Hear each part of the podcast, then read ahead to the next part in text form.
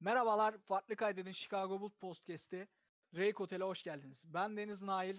Bugün her zamanki gibi Berkay ile birlikte Chicago'nun boğalarının sezonunu değerlendiriyor olacağız.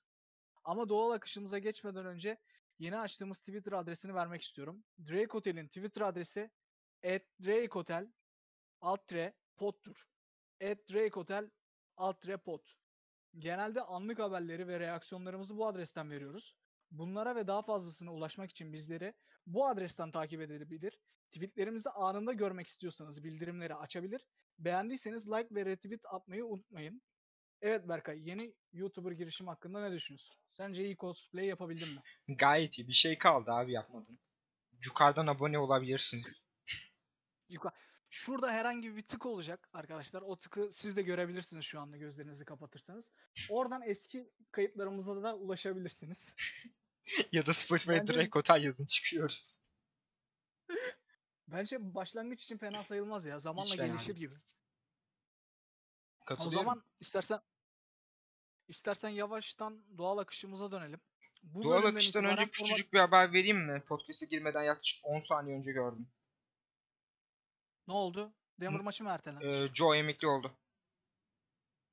Kim? Joakim Noah.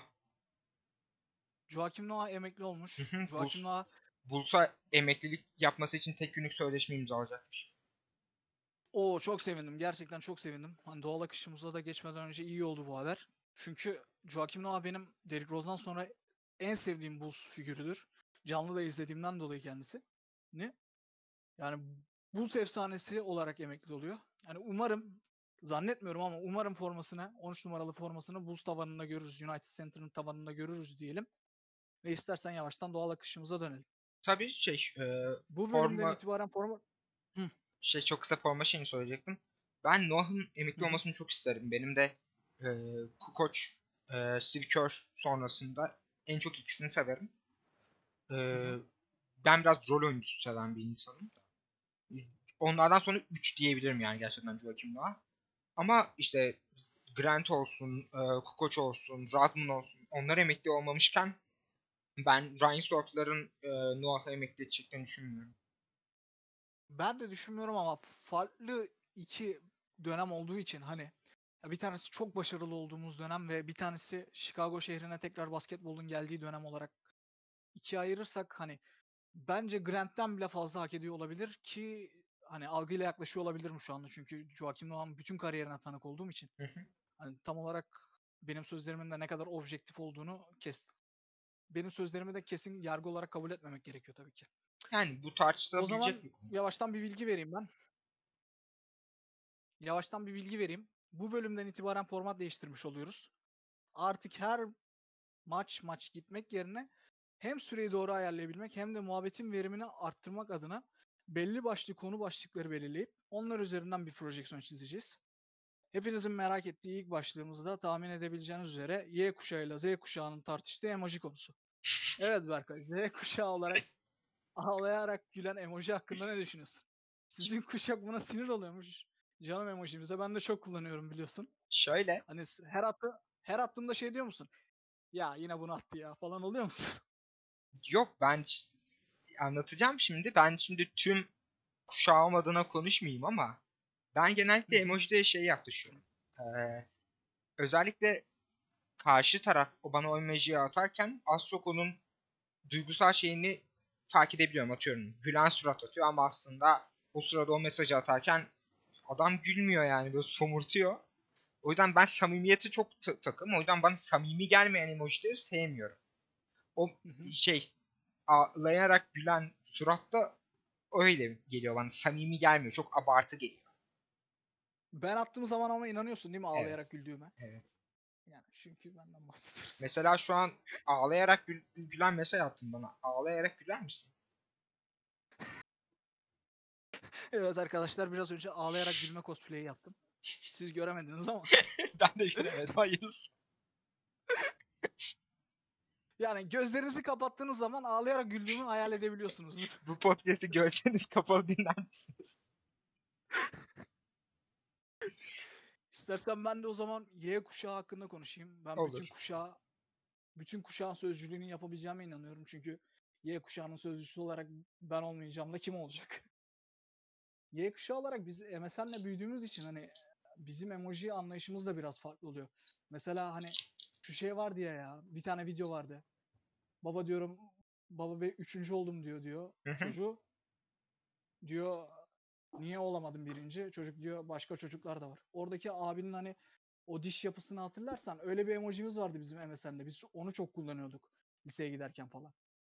Ya o tarz emojiler kullanmaya özen gösteriyorum ben de. Ya da bilinçaltım o tür emojileri atmaya çalışıyor diyeyim. Hı hı. O yüzden emoji konusunda hani daha çok random gülünmedikten sonra emoji kullanmayı emoji ile anlaşıyoruz yani bizim Y kuşağı da. O yüzden biraz kuşak çatışmasına dönmüş gibi. Ya e, öncelikle MSN döneminde biz de denk geldik. Ve ben benim ilkokulda olduğum dönemde bizim eve daha bilgisayarın yeni girdiği dönem biz şeydi o zaman e, arkadaşımla birlikte okula gidiyorduk. An- arkadaşımın annesi bizi okula götürüyordu. Annem çalışıyordu Hı hı. benim. E, biz onunla MSN'den haberleşiyorduk. Atıyorum MSN ya MSN. Aynen yani. Atıyorum o zaman Metin 2 falan çok yaygındı bizim olduğumuz mahallede. Met, birlikte Metin 2 oynayalım mı falan diye o muhabbetlerin hepsi MSN'de dönüyordu yani. MSN çok büyük anlamda o zamanın Discord'uydu. Suralar, ninjalar. Aynen. Ya bir de MSN'de şöyle süper bir özellik vardı. Ne dinlediğini karşı tarafa gösterebiliyordun hani çevrim içi olduğunda. Ya millet mesela Cengiz Kurtoğlu Küllenen Aşk dinlerken yukarıda mesela Red Hot Chili Pepper falan çalıyordu. Californication falan çalıyordu. İlginç dönemlerdi ya. Hani ya ben biliyorum şimdi abimin yanında oturuyorum. Adam Küllenen Aşk dinliyor. Ama yukarıda mesela bambaşka bir şey çalıyor. Metallica çalıyordu mesela. O da güzel dönemlerdi. Buradan Twitter'a sesleniyorum. Onu lütfen o özelliği getirin. Böyle abuk subuk özellikler getireceğini. Benim hesapta Evet, sürekli bu şak- ara Instant Crush çalar. Sabah akşam Daft Punk'a ağlıyorum. Ya ben de Küllenen Aşk dinlerken başka bir şeyler çalarım. Neyse Spotify'dan artık bakarız ya. Olmadı Spotify'da var yani. Ufak şakalarımızı yapıp podcast'te neşe kattığımıza göre bu arada eğlenmeyi biliyoruz. Net eğlenmeyi biliyoruz. Net.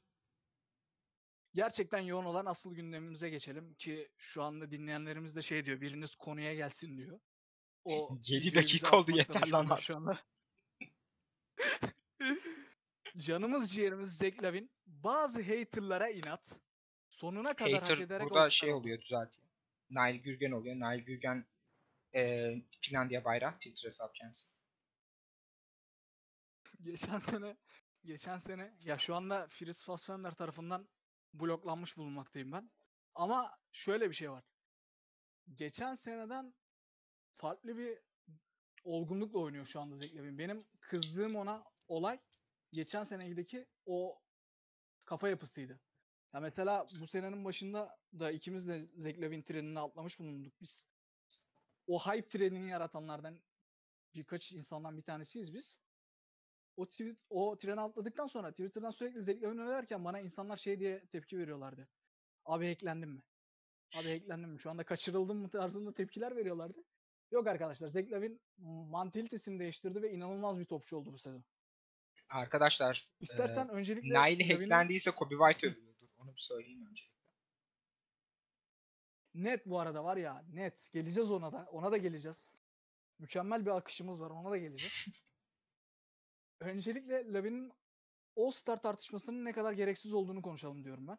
Hı hı. Sözü sana atmadan önce cümle alemin üstünde mutabık olduğu, mutabık kelimesini doğru bir şekilde kullandım mı bilmiyorum. Biliyorsunuz arkadaşlar benim Türkçem A2 seviye olduğu için yanlış telaffuz etmiş ol- olabilirim, yanlış kullanmış olabilirim. Kusura bakmayın. Linç etmeyin beni. Bradley Beal herkesin mutabık olduğu gibi starter.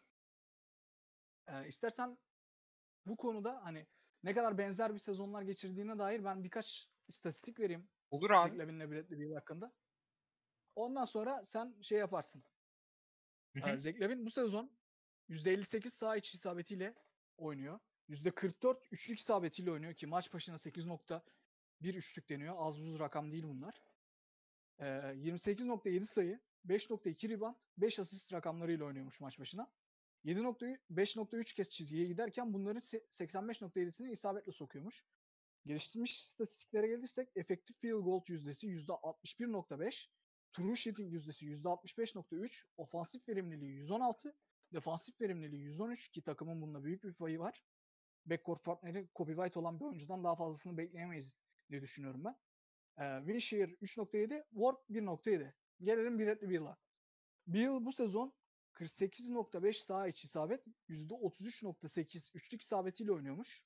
Ki Hı hı. maç başına 7.1 üçlük deniyor. 33.2 sayı sayı kralı kendisi. 5.2 5.4 rebound, 4.8 asist ortalamalarıyla oynuyor ki maç başına 8.3 kez çizgiye giderken bunların %90'ını isabetle sokuyormuş. Gelişmiş istatistiklerine gelirsek onun da. Efektif field goal yüzdesi %53.5, true shooting'i %60, ofansif verimliliği 115, defansif verimliliği 115, win share 3.4, warp 2. Yani ne kadar benzer rakamlar olduğunu görüyorsunuz. Tek ciddi farklılık Beal'ın çizgiye gitme sayıları onu da belki ki boostlu olduğundan dolayı algıyla bakıyorum bilmiyorum ama büyük oranda Lavin'e çıkmayan düdüklere bağlıyorum ben. Onun dışında Lavin daha sayıyla daha verimli atmış. O kadar. Ve Bradley Beal ilk 5 oyuncusuyken tartışmasız bir şekilde Lavin olsun mu olmasın mı diye tartışılıyor ki ya ben bu şekilde tartışmaya bakan insanların hmm, ya olaya ön yargıyla yaklaştığını ya da bırak maç izlemeyi basketbol referansa bile bakmamış olduğunu düşünen şovmenler olduğunu düşünüyorum açıkçası. Sen ne düşünüyorsun bu konu hakkında? Şöyle bence Alo? e, geliyor mu sesim? Hı, hı. Bence Zek'in. All-Star tartışmaları ki yani bence çok e, özellikle son bir haftaya falan baktığımızda çok tartışılacak bir yer bir şey kalmamıştı. Çünkü Zek'in karşısına koyabileceğin e, Bulls e, rekabetçi bir takım değil argümanı falan da artık bitmişti yani. Bulls 6. sıradaydı. Zek All-Star seçildi. Doğu'da. Doğru. Durum böyle olunca bence tartışmanın özellikle e, blogger tayfa tarafından tartışmanın asıl döndürüldüğü taraf.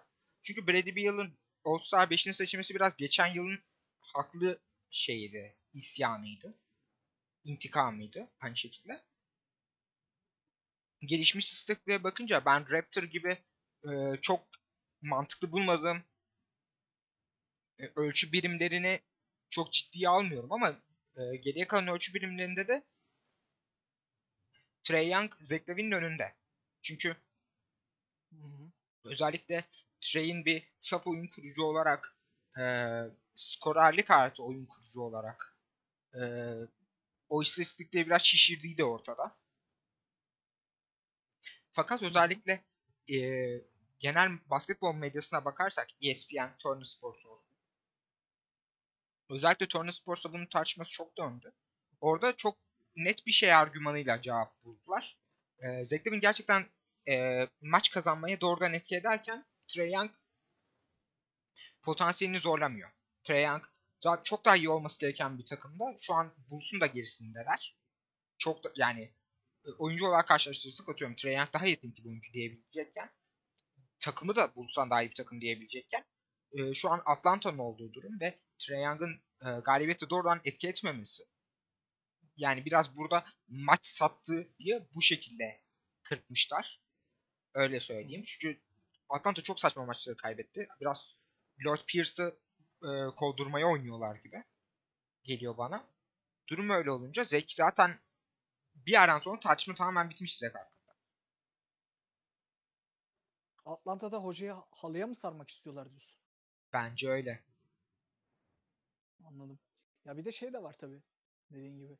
Ya bu oylamanın olduğu dönemlerde Zach Lavine yanıyordu. Tabii canım Bulls bildiğin o zaman yani. 6 maçın 5'ini kazanmış canım hatırlamıyorsam ya da 5 maçın 4'ünü. Ya bildiğin şey gibiydi ya. Raga Oktay'ın yeni DNA klibi gibiydi böyle alevleri yerliyordu Zach Lavine. Hani şey biz seninle şey geyini de yapıyorduk hani Chris Evans mı daha iyi Human Torch yoksa Zach Lavine mi daha iyi Human Torch? Sen tabii o argümanı tamamen Chris Evans çok kötü bir Human Torch diyerek çok güzel bir şekilde çürütmüştün ama Evet. Şu an sen ben bunu söylerken kafamın üstündeki kimi- Fantastic Four çizgi romanıma bakıp çayımı ona uzatıyorum. Şerefe bebeğim. şu anda kimi kastedersin Human Torch olarak? Zach Lavine olmaz mı? Abi Zach Lavine olur. Bombalıyor Çok çünkü. da güzel olur yani. Yakışır mı? Yakışır. Role Oraların mi? topçusu mudur? Role topçusu. Zach Lavine çok kötü oyuncu ya Allah affetsin. Ben onun şeyde böyle reklamlarda falan oynadığı versiyonu biliyorum. Allah affetsin. Kendisini oynasa yeter ya. Rol yapmasına gerek yok. Aynen. Canlı canlı adam ya. Peki. Öyle ya da böyle Zach Lavine artık bir All-Star. Hı hı. Ya bunun iki anlamı var. İstersen bir tanesini ben söyleyeyim, bir tanesini sen söyle. Anlamlardan bir tanesi Lavine artık All-Star olması demek her şeyden önce daha rahat düdük imkanı bulabileceğimiz anlamına geliyor. Artık bizim de All-Star'ımız var. Artık vurmayın bize hakem abiler, vurmayın diyebilecek durumdayız. Daha rahat düdük alacağız. Kritik anlarda eee, hakem düdükleri en azından karşı tarafa çok rahatlık rahat bir şekilde çıkmayacak ki sezonun ilk bölümünde bundan canımız yandı. Özellikle Golden State maçında olsun, Portland maçında olsun. Artık o kadar rahat karşı tarafa düdük çalamayacaklar diye düşünüyorum ben. İkinci anlamını istersen sen söyle. Şu an eee, sesimi biraz koyulaştırdım. Bobby Marks'ım şu anda. Seyirciler gözlerini kapatsın ve beni Bobby Marks olarak hayal etsinler. Onlar zaten gözleri kapalı dinliyorlar. o da doğru. Zach Lavine'in All-Star olması. Ee, şu- an extension'la bu yaz extension'la 5 yıl 110 do- mi- milyon dolara extension imzalayabilecekken All-Star upgrade'iyle birlikte Zach Lavine e, bu yıl e, extension offer'ını e, yırtıp atabilir. Yani kabul etmeyip sonraki yıl free agency'ye girerek 5 yıl 190 milyon talep edebilir. Bu, ada- bu adam kesinlikle böyle konuşmuyor. Ya bu arada bu taklit sayesinde şu anda dinleyenlerimiz de ben de ağlayan emojiye Ağlayarak açanlar da kapattı.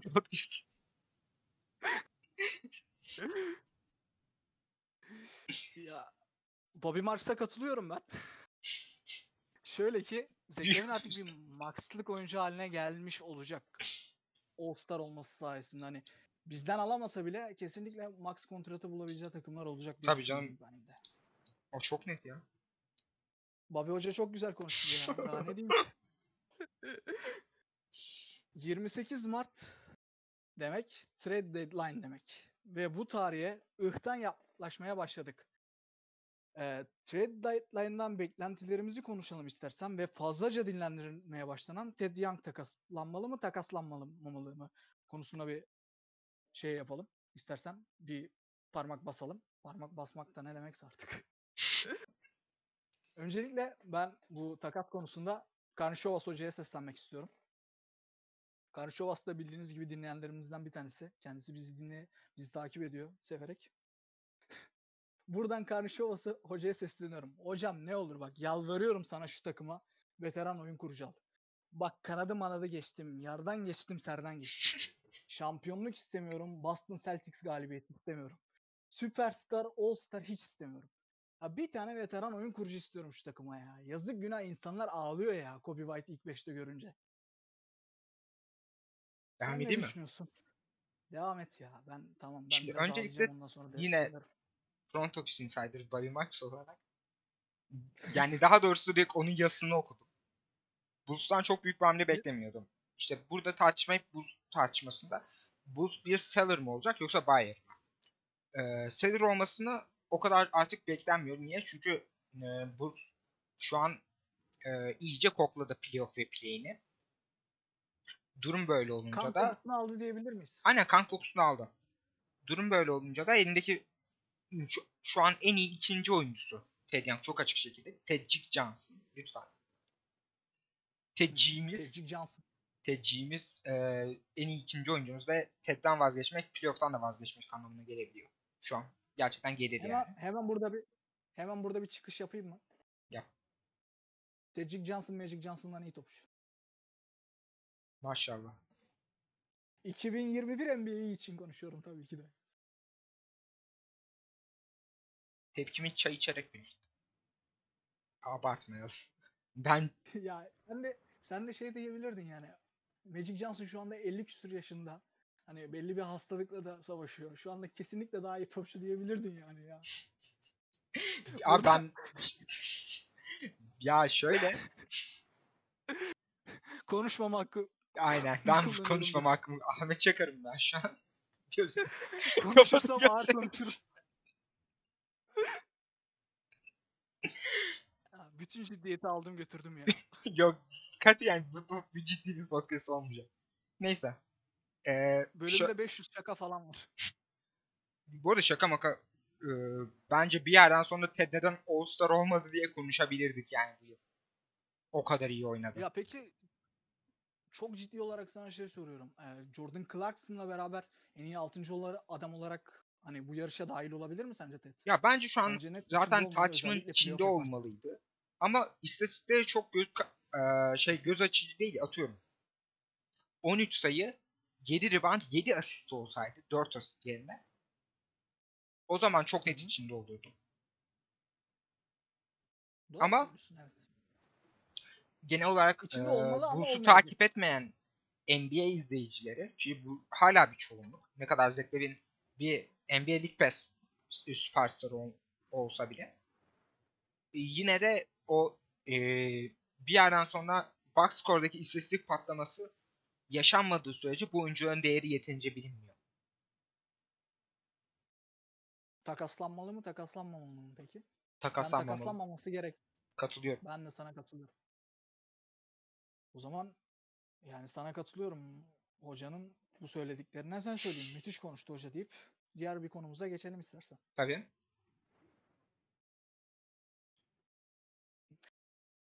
Ee, Kobe'nin sorunları ve tak Lonzo takas söylentileri. Sözü sana bırakmadan önce Kobe konusunda ben böyle şöyle bir girizgah yapayım. Saldır sen Kobe'yi. Sen bugünü bekliyorsun bir aydır. Saldır. Va- Vallahi şu anda el, ellerimi avuç şey yapmaya başladım böyle birbirine sürtmeye başladım. Ben ilk 5'te Kobe White izlemekten çok yoruldum. Çok yoruldum ama.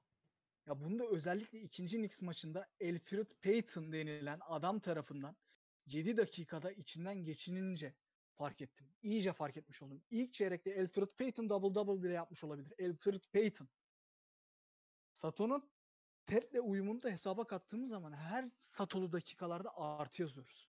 Ama var ya çok gönül rahatlığıyla izlemeye başlıyorum Sato, To- Kobe yerine Sato girdiği zaman.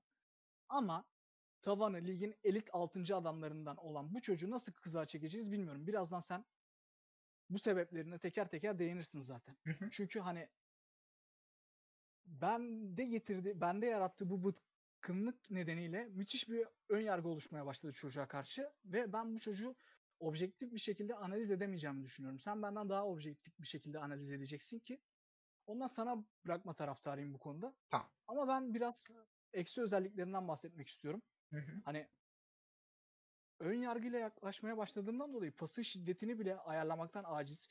3 pozisyonda bir hata yapan, oyun hatalı karar veren daha doğrusu oyun kurucu gibi gelmeye başladı bana. Ama savunmasıyla ilgili ön yargılı olduğumu düşünmüyorum. Yok. Bana kalırsa ligin e- en korkunç savunmacısı. Anthony Edwards'la kapışır. En kötü kısa savunmacısı bence. Aras abi zaten yıllardır söylüyor saat farkında. Bas bas bağırıyor. Özellikle savunmada en zayıf parçan kadar güçlüsün diye. Maalesef bizim en zayıf parçamız ligin en kötü savunmacısı olan Kobe White. Bu çocuk Sergen'in zamanında geride oynayanların üçü de kazma dediği stoperlerden bile daha kazma kaz- savunma konusunda. Benim söyleyebileceklerim bu kadar bu çocuk hakkında. Gerisini sana bırakıyorum. Şöyle, e, Kobe White hakkında konuşmaya başlam başladığımız zaman şu an Bulls roster'ı hakkında da konuşmaya başlamamız gerekiyor. Çünkü Bulls kadro yani Bill Donovan'ın kadro tercihinin hepsinin altında belirli nedenler yatıyor. Bill Donovan Kobe White'ın korkunç bir savunmacı olduğunu görmüyor. Tabii ki de. Ama aynı şekilde Bulls'un e, roster'ının belirli ihtiyaçları var şu an. Özellikle de Lauri Markkanen isimli sakat köpek dostumuz ee, canımız ciğerimiz biricik sakat köpeğimiz sakat. Ee, şöyle başlayayım. Şu an ilk 5'e baktığımızda Kobe White, Zach Lavin, e, Pat, e, Gary Temple, Pat Williams, e, Wendell Carter. TPA üzerinden konuşalım. Ben TPA'yı bu konuda iyi bir ölçme birimi olarak görüyorum. Abi bu 5 oyuncunun hangileri sence pozitif e, ofansif point sahip? Yani takımına oyunda kaldığı sürede ekstra of, e, sayı yazılıyor. Zach Lavin hariç herhangi bir oyuncu olmayabilir ilk beşten ya. Yok. Kobe'yi bir kenara çıkartırsak. Kobe'yi bak bir Kobe'yi bir kenara çıkartırsak diyoruz. Kobe bu iş için var. Secondary İşte e, score option olarak var. İkinci score opsiyon olarak var. Kobe'nin de ofansif olmadığı dakikalarda tabii. OPA'yı, Kobe'nin de OPA'yı çok düşük. Onun da mı çok düşükmüş? Evet. Kaçmış? Ee, hemen bakıyorum eksi 31. Maşallah. Yani şöyle maşallah. anlatayım dinleyicilere. Sahada olduğu e, süre boyunca Bulls 30 sayı bu, yani Kobe White Bulls'a eksi 30 sayı sadece hü- hücumda yazıyor. Peki e, DPM? Defansif plus minus. DPS Yok ben plus minus'lara bakmıyorum şu an. Bakmıyor musun? ona? Ben TPA üzerinden bakıyorum. Peki defansif anlamda nasıl? Eksi 47 görünüyor burada. Eksi 47 görünüyor. De, şu demek oluyor değil mi? Eksi 47. Eğer kolsuz bir adam koysak daha iyi savunma yapar. Yani biraz öyle. Ee, şu an işte ilk 5'e baktığımızda Kobe'nin e, ikinci skor opsiyonunu taşıması gerekiyor bu 5'te. Ki Bulls'un e, Lowry sakatken bu rolü verebileceği başka doğal skoreri yok. Çok açık konuşacağım yok. Zaten Bulls'un e, OPA'yı pozitif olan oyuncularının ikisi sakat. Zach Lavin 115 şu- plus 115 ee, Thaddeus Young en yüksek ikinci 23. O arada büyük bir boşluk var yani. Ee, Zach sakat, Otto sakat. Ee, Satoranski ilk 5'e atamıyorsun doğal bir e, şut tehdidi olmadığı için. E, durum böyle olunca zaten senin e, geriye kalan rol oyuncuların hep birbirlerinin eksiğini kapatan oyuncular oluyor. Patrick Williams savunma eksiğini, tüm ilk 5'in savunma eksiğini üstlenirken Wendell Carter dışında çünkü Bulls'un başka pozitif bir savunmacısı yok. Patrick Williams da dahil. Patrick Williams vasat e, takım savunmasına baktığımızda vasat savunma. Ama birebir eşleşmede Bulls'un şu an net en iyi perimetre savunucusu.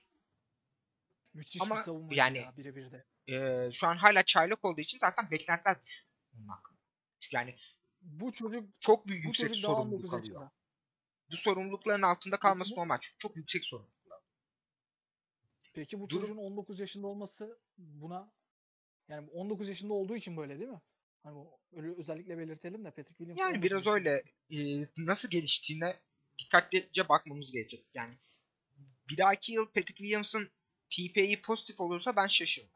Ama şu an eksi 70. Ofen, ofansif point yani hücum da çok eksi yazıyor Patrick Williams şu an. Aynı Doğru. şekilde mesela Garrett Temple da aynı soruna sahipken Kobe White'ı bir şekilde ilk 5'te sahada tutmak zorundasın. Ama Kobe White da bu maç maçı bitirmeyi ben anlamıyorum. Benim derdim orada var. Oradır. Çünkü ben mesela Ya maça başlamakta da bir e, ben bu de konuşuyorduk ya biz. efendim abi E, seninle şeyi de konuşuyorduk ya biz. Maça başlarken de çok büyük sıkıntı çekiyor. Yani maçı evet maçı ve maça kötü başlıyor ve kötü bitiriyor genelde. 2 ve 3. çeyrekte çok daha iyi oynuyor. Ya peki bu adamı biz 6. adam olarak sahaya atsak ve 30-32 dakikalar versek daha iyi olmaz mı çocuk için de? Abi daha iyi olur ama işte o zaman da Bulls'un ikinci hücum opsiyonunu bulması gerekiyor ilk beşinde. Şu an ilk beşinde ikinci hücum opsiyonu yapabilecek sağlıklı hangi oyuncu var?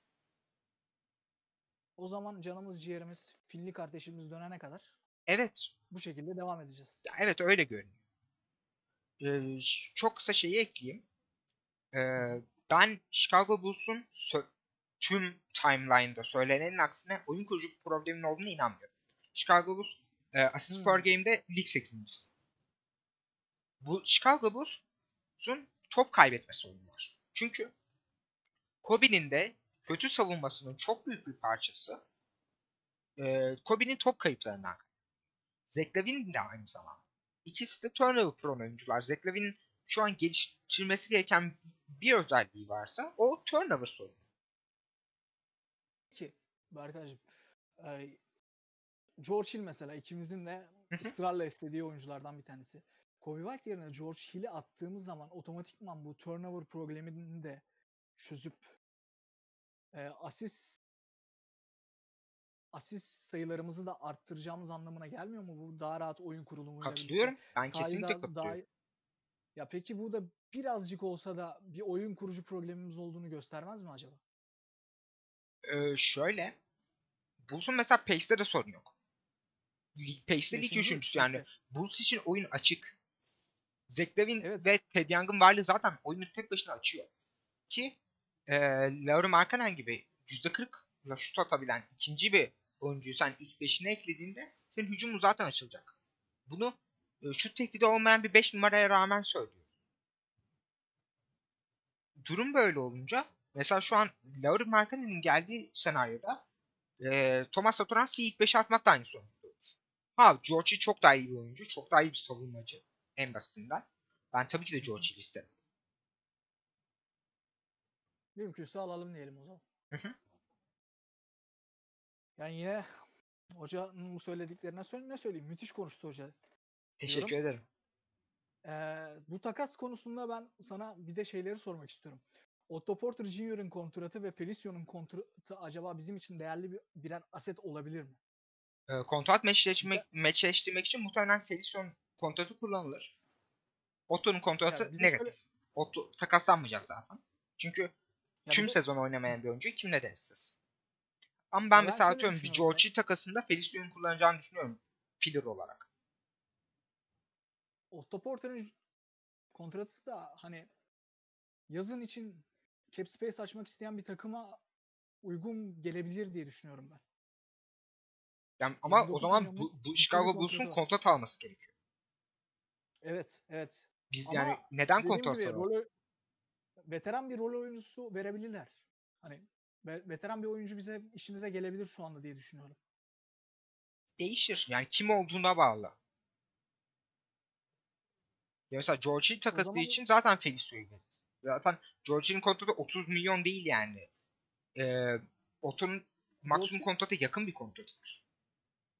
George Hill ile birlikte Ariza Hoca'yı da alabiliriz diye düşünüyorum. Ariza'nın ben çok basketbola verebileceği bir katkı olduğunu zannetmiyorum ya. İşte dediğim gibi ailevi problemlerden dolayı bütün sezon boyunca oturdu ama dönmeye hazır olduğunu filan söylüyor. Bilmiyorum belki fark yaratan bir oyuncu bile olabilir. Ha, nasıl hayırlısı. döneceğine bağlı tabii. Ya, tabii ki de öyle. Lonzo'ya gelelim o zaman. Tabii. E, Lonzo'ya gelmeden önce şeyden bahsetmek gerekiyor. Clutch'tan bahsetmek gerekiyor. Clutch Agency, ya bu Lonzo'nun menajerlik şirketi. Aynı zamanda LeBron James'in de menajerlik şirketi. Lonzo'yu Bulls'a getirmek istediği konuşuluyor. Ya peki bu neden önemli diye soracaksınız. Hani bir menajerlik şirketi istiyor. İki takımın da herhangi bir şekilde e, sıcak teması yokken bu konu niye gündeme geliyor diye düşünüyor olabilirsiniz ama Clutch şu anda herhalde LeBron'un da menajerlik şirketi olması yanında e, başkanlarının da Rich Paul olması yanı sıra herhalde NBA'deki en önemli iki karar vericiden ikisi de bunların bunlar herhalde Adam Silver'dan bile daha etkili insan olabilirler. Hem LeBron hem Rich Paul. Hani ben şöyle düşünüyorum. Bu ikisi iki takımdan bir tanesini kazıklamak pahasına olsa bile bir oyuncuyu bir takıma getirmek istiyorlarsa getirir diye düşünüyorum. Sen ne düşünüyorsun bu konu hakkında? Şöyle, eee öncelikle Lonzo Ball bir Anthony Davis değil. Yani Lonzo, eee Clutch Pelicans'a yani Pelicans'ı kazıklayıp Bulls'a getirtemez. Bull'da da zaten Pelicans eee Lonzo çok iyi bir iki aylık dönem geçiriyor. Özellikle bu takastan takas haberle ilk çıkmasından itibaren Lonzo bir anda deli gibi şut atmaya başladı. Ha mesela ben hala bu şutu eee, gerçekten Lonzo iyi şutör diyemem şu an. Ama Lonzo'nun e, takas değerini bu iki ayda çok yükselttiğini söylemek lazım. E, burada e, Pelicans zaten artık Lonzo'yu takaslamak istemiyor. En basitinden. Hı hı. E, durum böyleyken Pelicans'ın da beklentileri yükseldi. Bulls'a atıyorum yani Bulls'un e, sadece birinci tur vererek Pelicans'a ikna etme gibi ihtimal yok. Çünkü zaten Pelicans bu yıl bile playoff oynuyor bir şekilde. Hala yarışmacı bir takım. Zion Williamson ve Brandon Ingram varken e, iki yıl sonrasının birinci tur pikiyle ilgilenmiyordu Griffin. Zaten elinde bir sürü birinci tur piki. Durum böyle olunca e, Lonzo Ball için Chicago Bulls Lauri Markkanen'i çık- çıkar mı durumu geliyor. Birebir bu takas olmaz birebir çıkmamalı. Ama atıyorum yanına Hart'ı ekleyerek. Ama Hart da çok iyi bir dönem geçiriyor. Bulls mesela ve e, Lauri Markkanen çok gerçekten değerli modern NBA'de çok değerli bir hücum oyuncusu olmasına rağmen Lauri Markkanen bir sakat köpek. Ve Lauri Markkanen gibi e, Jaren Jackson, Kristaps Porzingis bu tarz unicorn tipli oyuncuların NBA'de değerleri giderek düşüyor. Çünkü e, NBA'de şu an en önemli şey playoff'a geldiğinde sağlıklı olup olmadı. Jaren Jackson geçen yıl önemli bir sakatlık geçirdi. Lauri Markkanen bu yıl yine All-Star arasına kadar yok. Kristaps Porzingis sakatlık sorunlarından dolayı çok kötü bir sezon geçiyor. Kendi standartları. NBA'de bu tarz e, 4 numaraların 4'ten kırma 5 numaraların değeri düşerken 3'ten 4'e kırılan atıyorum Patrick Williams bu tanıma uyuyor. Jason Tatum bu tanıma uyuyor. Bu tarz şey oyuncuların değeri yükseliyor. Durum böyle olunca da Lowry hali hazırda sakatken onun takas değerine ne e, Pelicans ne kadar tav olur? Bu da önemli bir soru. Ya bir de hani iki yönlü oynayabilen bilen unicornlar olarak eklemek gerekiyor herhalde. Çünkü Anthony Davis de bu tarz bir oyuncu. Tabii canım. 4'ten 5 sürekli sakatlanan bir oyuncu. Sürekli sakatlık problem problemi Ya yaşayan ama bir oyuncu Anthony Davis NBA finallerinde tarafında sahada da mıydı? inanılmaz. Sahadaydı. Onun de, yani bir süperstar İşte- olarak Anthony Davis'in değerini bu oyuncularla bir tutmak bence mantıklı değil. Ya iki, oyunun iki tarafında iyi oynayabileceği sürece sıkıntı yok bence. Anthony Davis'in NBA finalinde olmama ihtimali de vardı çünkü. Ya kendisi sakat bir oyuncu. Ya dünya şey istatistiği vardı ya. Dünyada en fazla eee sakatlanıp soyunma odasına giden şey basketbolcu diye. Evet Anthony şeyde Davis bu- özellikle Pelicans'lık son iki sezonunda sürekli soyunma odasına gidip dönüyordu. Eee istersen o zaman biraz Lon- Lonzo'nun artılarından ya da takıma katabileceği eksilerden bahsedelim. Sen artılarından çünkü bahset istersen. Lonzo, Hı hı. Lonzo bu arada bu, bu sene %40 üçlük atıyormuş. Bir ay önce seninle konuştuğumuzda 20 20 %29 falandı. İnanılmaz Bir buçuk ay önce evet öyleydi. Ve 7.1 üçlük 7 7.8 üçlük atarak %40 üçlük atıyormuş. İnanılmaz bir rakam bence bu. Yani Lowry ile yaklaşık aynı. Aynen. Ee, Lonzo'ya gelecek olursak Lonzo'nun ben iyi olacağını düşünen taraftan olmama rağmen ilk tercihim değil benim Lonzo. George Hill biliyorsun. Ki ilk tercihim ama ya Lonzo'nun ciddi sorunları var. Şutu pek istikrarlı değil. Potaya kadar delemiyor. Delse bile pota çevresinde bitiremiyor. Buna rağmen göze çarpan bir floater'cı değil. Ama çok değerli yapabildiği şeyler var. Mesela açık alanda muazzam bir pasör. Ben yarı sahadaki potansiyeline, pasörlük potansiyeline de hala inanan insanlardayım. Özellikle Danımın hocanın eli değdikten sonra bence çok iyi olacak. İyi bir savunmacı olduğunu düşünüyorum. İsminin Kobe White olmadığını düşünüyorum. Gibi gibi özellikleri onu bizim takım için değerli bir parça yap- yapıyor. Ya Pace'te her zaman ilk 5'te olan Billy Dunham'ına, Zach Lavin'e, Lauri Markkanen'in ilk 3 üçlü böyle bir üçlüye sahip bir takımda user rate'i daha düşük, nispeten daha düşük. Lonzo'nun en verimli olduğu zamanlarda %15'miş user rate'i. Kobe'nin bu sene anca yir- %22.3'e indirebildik ki geçen sene %28'miş. Yani burada ikisini kıyaslama yapmak adına söylüyorum. Hı hı.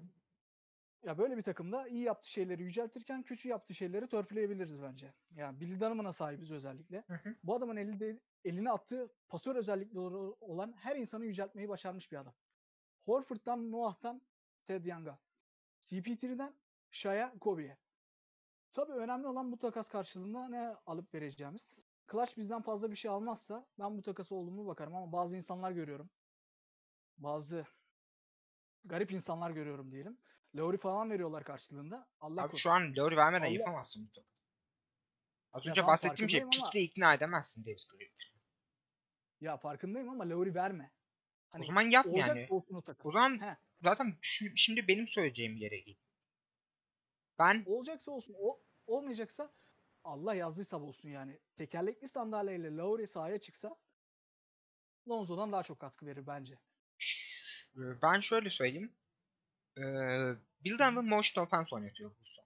Yani Hı hı. yüksek pace'te tek bir oyun kurucunun olmadığı e, oyun kurma rollerinin paylaşıldığı. Mesela White şu an bir point guard ama bu e, dördüncü pas opsiyonu. E, Zach Lavin d- genellikle Zach Lavin ve Thomas Satoranski topu ondan almaya çalışıyor. Zaten bu e, post üzerinde post aksiyonlarıyla e, Ted Young'ın bir ikinci oyun kurucu olarak kullanıyor. Oradan çok değerli katkı alıyor. Durum böyle olunca olabildiğince Bulls e, topu Kobe'nin elinden almaya çalışıyor. Durum böyleyken e, sen Kobe'nin yerine e, Lonzo Ball'u kullanıp Lonzo Ball'la maç bitirdiğinde e, Ted posta yattığında e, elinde Lavin var, Wendell Carter var, Lonzo Ball atıyorsun. Lonzo Ball'un e, üç- üçlük ritmi çok gidip geliyor yani. Şu an %40'a yakın. Atıyorum geçen yıl Bubble'da yerlerdeydi üçlük yüzdeleri. Korkunç üçlük atıyordu Bubble'da. Katılıyorum Sezon başı aynı Bir şekilde yaşta bahsettik 23'lerdeydi. Durum böyle olunca %20'ye düştü. e, ben Lonzo Ball'u hala e, e, elit ritimli bir üçlük tehdidi, bir off-ball silahı olarak e, zikretmekten biraz tedirgin ediyorum. Tedirgin davranıyorum. Biraz Haklısın. beklememiz gerektiğini düşünüyorum. Bir e, bir play'in daha mesela play'in turnuvasında nasıl oynadığı ya da playoff'a kalırsa playoff performansının nasıl ol- olacağı bence Lonzo'nun e, gerçek değerini göstermesi açısından çok önemli.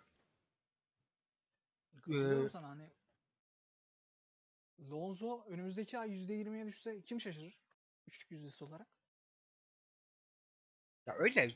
Burada elbette Alo, Pelicans'ın e, antrenörlerini tebrik etmek gerekiyor. Hı. Özellikle Los Angeles Lakers derken e, Ingram, Hart, Lonzo'nun e, Pelicans'a geldiğinde ne kadar e, kendini geliştirdiklerini göz önünde bulundurursak üçü de aynı şekilde. Hı hı. Ya katılırım ben sana ya. Çok haklısın bence. Ya çünkü Lonzo'nun önümüzdeki ay %20 ile atmayacağını kimse tahmin edemez şu anda. İstersen Bulls'un analitik statlarını bir oynatalım Uğurcu. Ne dersin? Tabii hocam. Şurada görüyorsun Bulls'u. Pace'de lig 5.si. Hı hı. Ofansif verimlilikte lig 15.si.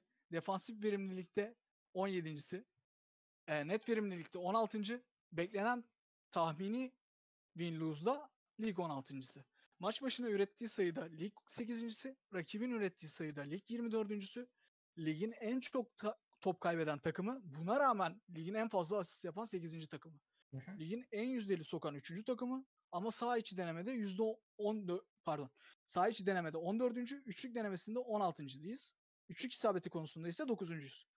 Ligin en az çizgiye giden 3. takımıyız ama en fazla çizgiye götüren 4. takımıyız. Ki bu korkunç bir istatistik bence. Şimdi burada ilk göze çarpanlar herhalde top kaybıyla çizgiye gitme sayıları. Katılırsın değil mi sen de bana bu konuda? Evet katılıyorum. Ya bu çizgiye gitme konusunda hakemlerin mi bir problemi var yoksa roster'dan dolayı mı böyle? Ne dersin sen? Yani Bence ikisinin de be- benzer etkileri var. hakem hatalarının büyük bir payı var ama bu kadar e, düşük olmasını tamamen hakem hatalarına bağlamak çok doğru olmaz. E, Boost rosterının e, foul'e çok meyilli oyunculardan kurulması bence burada önemli. Ya bu podcast'te bağlamayacaksak da hangi podcast'te bağlayacağız ya? Haklısın. Bağlayalım. Hiçbir şey söylemiyorum yani haklısın. Ama sana katılıyorum ya. Wendell Carter gibi o ya Wendell Carter faul yapmaya teşne bir oyuncu. Bu yıl mesela çok fazla foul out olduğu son dakikaları e, foul problemiyle oynadığı için oynayamadığı maç hatırlamıyorum. Ama ki zaten hatırlıyorum. savunmada iyi bir sezon geçiriyor. Bunu Ben kabul etmek gerekir. Ya Embiid hariç herhangi bir sıkıntısı yoktu. Ya, Ona da birazdan Sabonis de ilk maçı içinden geçmişti. Sonraki e, geçen gün oynanan maçta Sabonis'e karşı çok iyiydi ama. Billy Donovan hoca kafasına girmiş ya. Wendell Carter Jr.'a fısıldayan adam bak demiş. izletmiş o maçı. Bak demiş nasıl içinden geçti senin. Ya hala Sen bu böyle vasat seviyede falan. bir savunmacı. Hala ilerlemesi gerekiyor ama genç bir oyuncu yani. Nihayet. Ya bir de şey de var. Patrick Williams mesela diyoruz en iyi savunmacımız diyoruz şu anda. Patrick Williams biraz önce de bahsettiğimiz gibi 19 yaşında bir çaylak. Geçen sene kolejde de ilk baş, başlamayan bir oyuncu. Hala gelişmesi gereken, hala olgunlaşma, çok olgunlaşması gereken özellikleri var. Yani bu yüzden dediğin gibi roster biraz faal yapmaya teşne bir roster. O zaman en yeni formatımıza geçelim. Hı hı. Yorumlu yorumlu yorumlu yorum köşesine geçiyoruz. yorumlu yorum köşemizde bu bölüm Lauri Markkanen bizlerle. Lauri Markkanen'le sakatlanıyorum bölümü. Evet arkadaşlar ufak bir şaka sonrası devam ediyoruz böyle eğlenmeyi bilen insanlar olduğumuz için. Reklamlar. Ufak tefek böyle şakalar yapıyoruz podcast'te. ya Markanen çok iyi oynadığı bir sezonda yine sapıkatlık sebebiyle maç Yani kaçırmaya şimdi başladı. savunmada da biraz hücumda oynadığını savunmaya da yansısa çok tatlı bir oyuncu olur. Değil mi? Ya doğru söylüyorsun ama benim profilimde film bayrağı olduğu için ben bu savunma kısmını es geçmek istiyorum. Ya işte burada mesela Lowry kötü bir sezon geçiriyor mu dersen ben hayır diye. Ama roster'ın birbirleriyle olan uyumsuzlukları e, özellikle Lowry savunmada bir adım geri düştüğünde onu kaldıracak başka bir oyuncunun olmaması. Çünkü Wendell'la oyunları birebir çok uyumlu oyunlar değil. Birbirine çok uyumlu oyuncular değiller. Ya bir de Kobe White'ı da atıyorsun ya sahaya. Evet. Sürekli ilk adımda geçilen bir dartla oynamak çok zor ya. Yani mutlaka. Ki mesela Ya. perimetrede e, zaman zaman Bulls'un Lowry'yi özlediğini de görüyorum. Evet, evet. Evet, yardım savunması falan olsun. Lowry bu konuda kötü bir sezon geçirmiyor bence. Yani vasat altı bir sezon geçiriyor. Wendell mesela daha iyi bir sezon geçiriyor. Ama L- Lowry'nin asıl hücumda getirdiklerini bu takım çok övüyor. Vasat ortalama diye düşünüyorum. Ben tabii algıyla da izlediğim için olabilir. Ama dediğin gibi hücumda çok özlüyoruz ya. Ya ben 3 maçta bir ah bu Lowry, Lowry bu maçta olsaydı demekten yoruldum. Ya tabii canım herhangi bir yani da yoruldum yani. hücumda o kadar çok özlüyoruz ki bunu söylemek çok normal geliyor bana. Ya bir de takım tam birbirini ve sistemi tanımaya başladığı dönemde yine biz Lowry'den mahrumuz.